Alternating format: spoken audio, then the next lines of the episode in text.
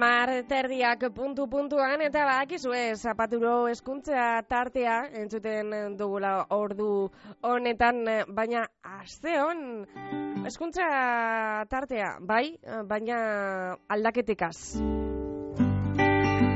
Eskuntza tarte berezia gaurkoa. Egoaztenean, em, bueno, eh, Elis Barrutiko ikastetzen sareak bultzatzen dauan Ebi Steam azoka ospatu zan, ugurtero ospatzen da ikasleen artean Steam jakintza gaiak sustatzeko.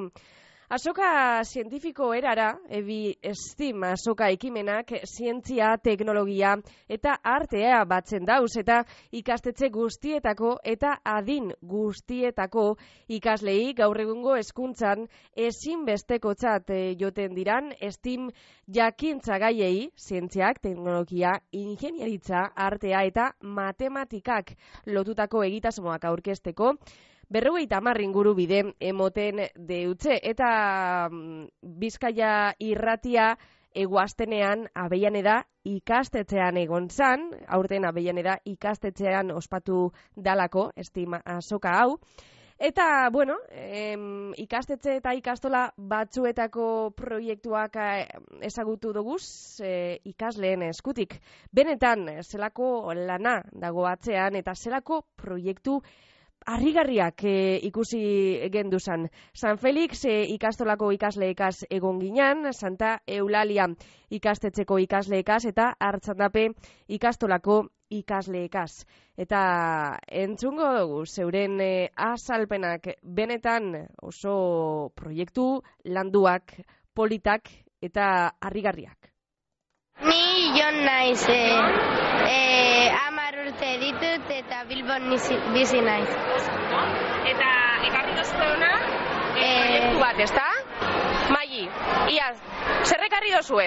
Ekarri dugu eh, robot bat egiten dena legoekin eta hemen daukagu erronka batzuk em, em, kumplitzeko eta egiteko eta joaten gara pausoak egiten programatzen. Ordenagailu honegaz, ez? Eta honegaz. Vale.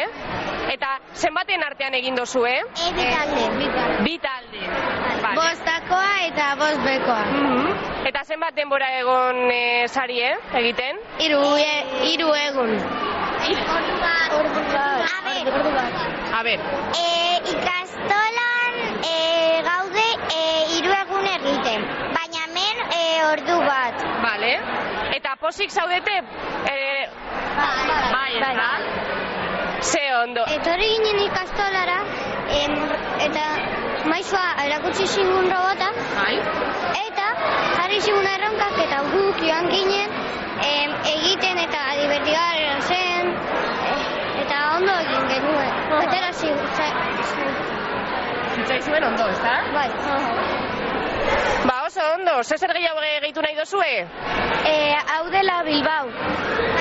Ah, Hau da Bilbo, bale, eske gure entzulek ez dute ikusten, baina azalduko dugu. A ber, zer dago hemen, azaldu? eta dago hartzandapi, Ah, bale. Eh, Guggenheim, Pupi, San Mamés,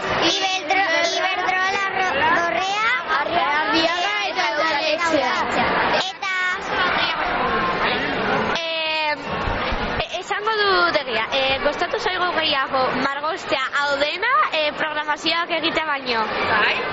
Egin genuen denok batera, baina izan ze... Bai, bai. erronkak eh, daude hor, uste dut. Hemen. A ber, jungo gare. Ah, claro, hor dago kartela, eta hor daude erronkak, ezta? Bale, bale, bale.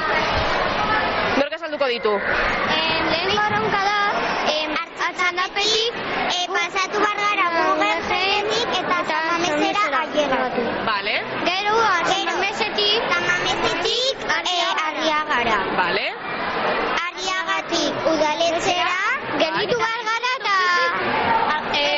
Atxandapera. Bale, Bai, bale. bai, eta azkena.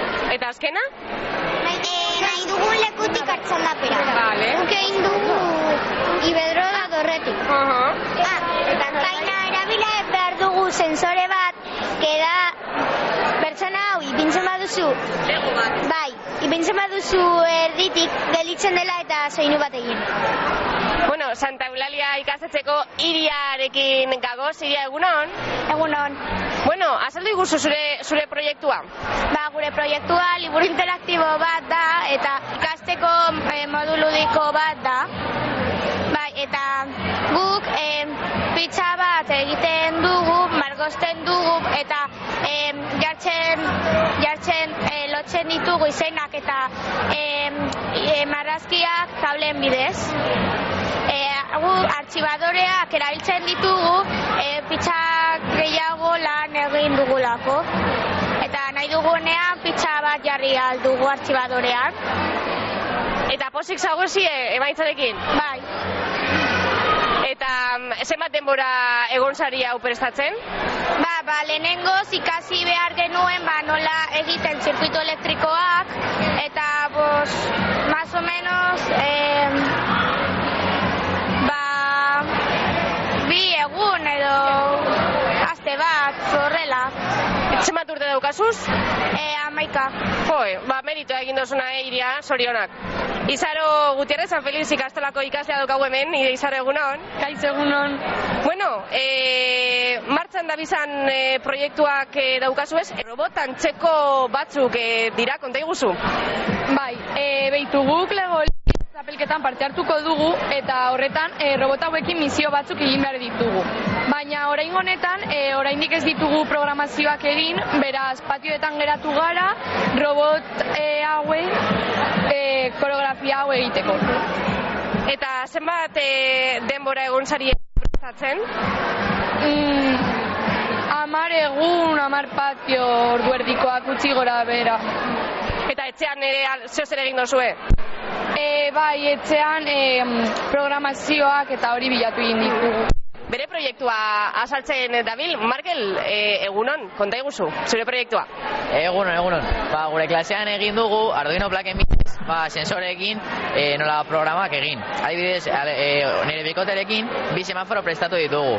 Beste pertsona batek ba, diskoteka festa baten argiak, eta beste batek nola dato, dado virtual bat egin du e, argiekin. Nola partxizera jolasteko edo dena delakoa.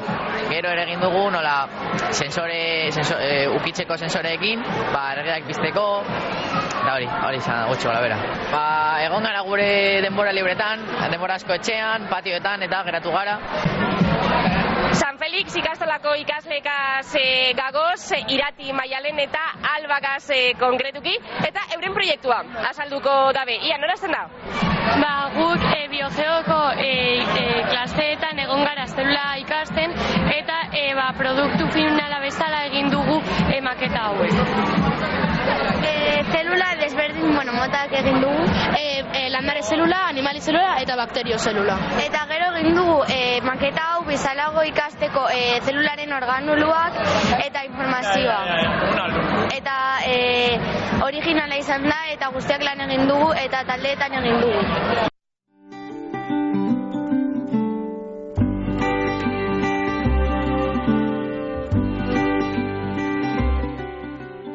Benetan eh, proiektu interesgarriak e, egitasmo honen helburuak eh, zeintzuk dira bueno ba alde batetik ikasleen artean bokazio zientifikoak piztu eta suspertu eta bestetik azken urteetan ikastetxe eta ikastoletan ezarritako metodologia barritzaileen emoitzak batez be egitasmo eta erronketan oinarritutako ikaskuntzaren emoitzak agertzera emon.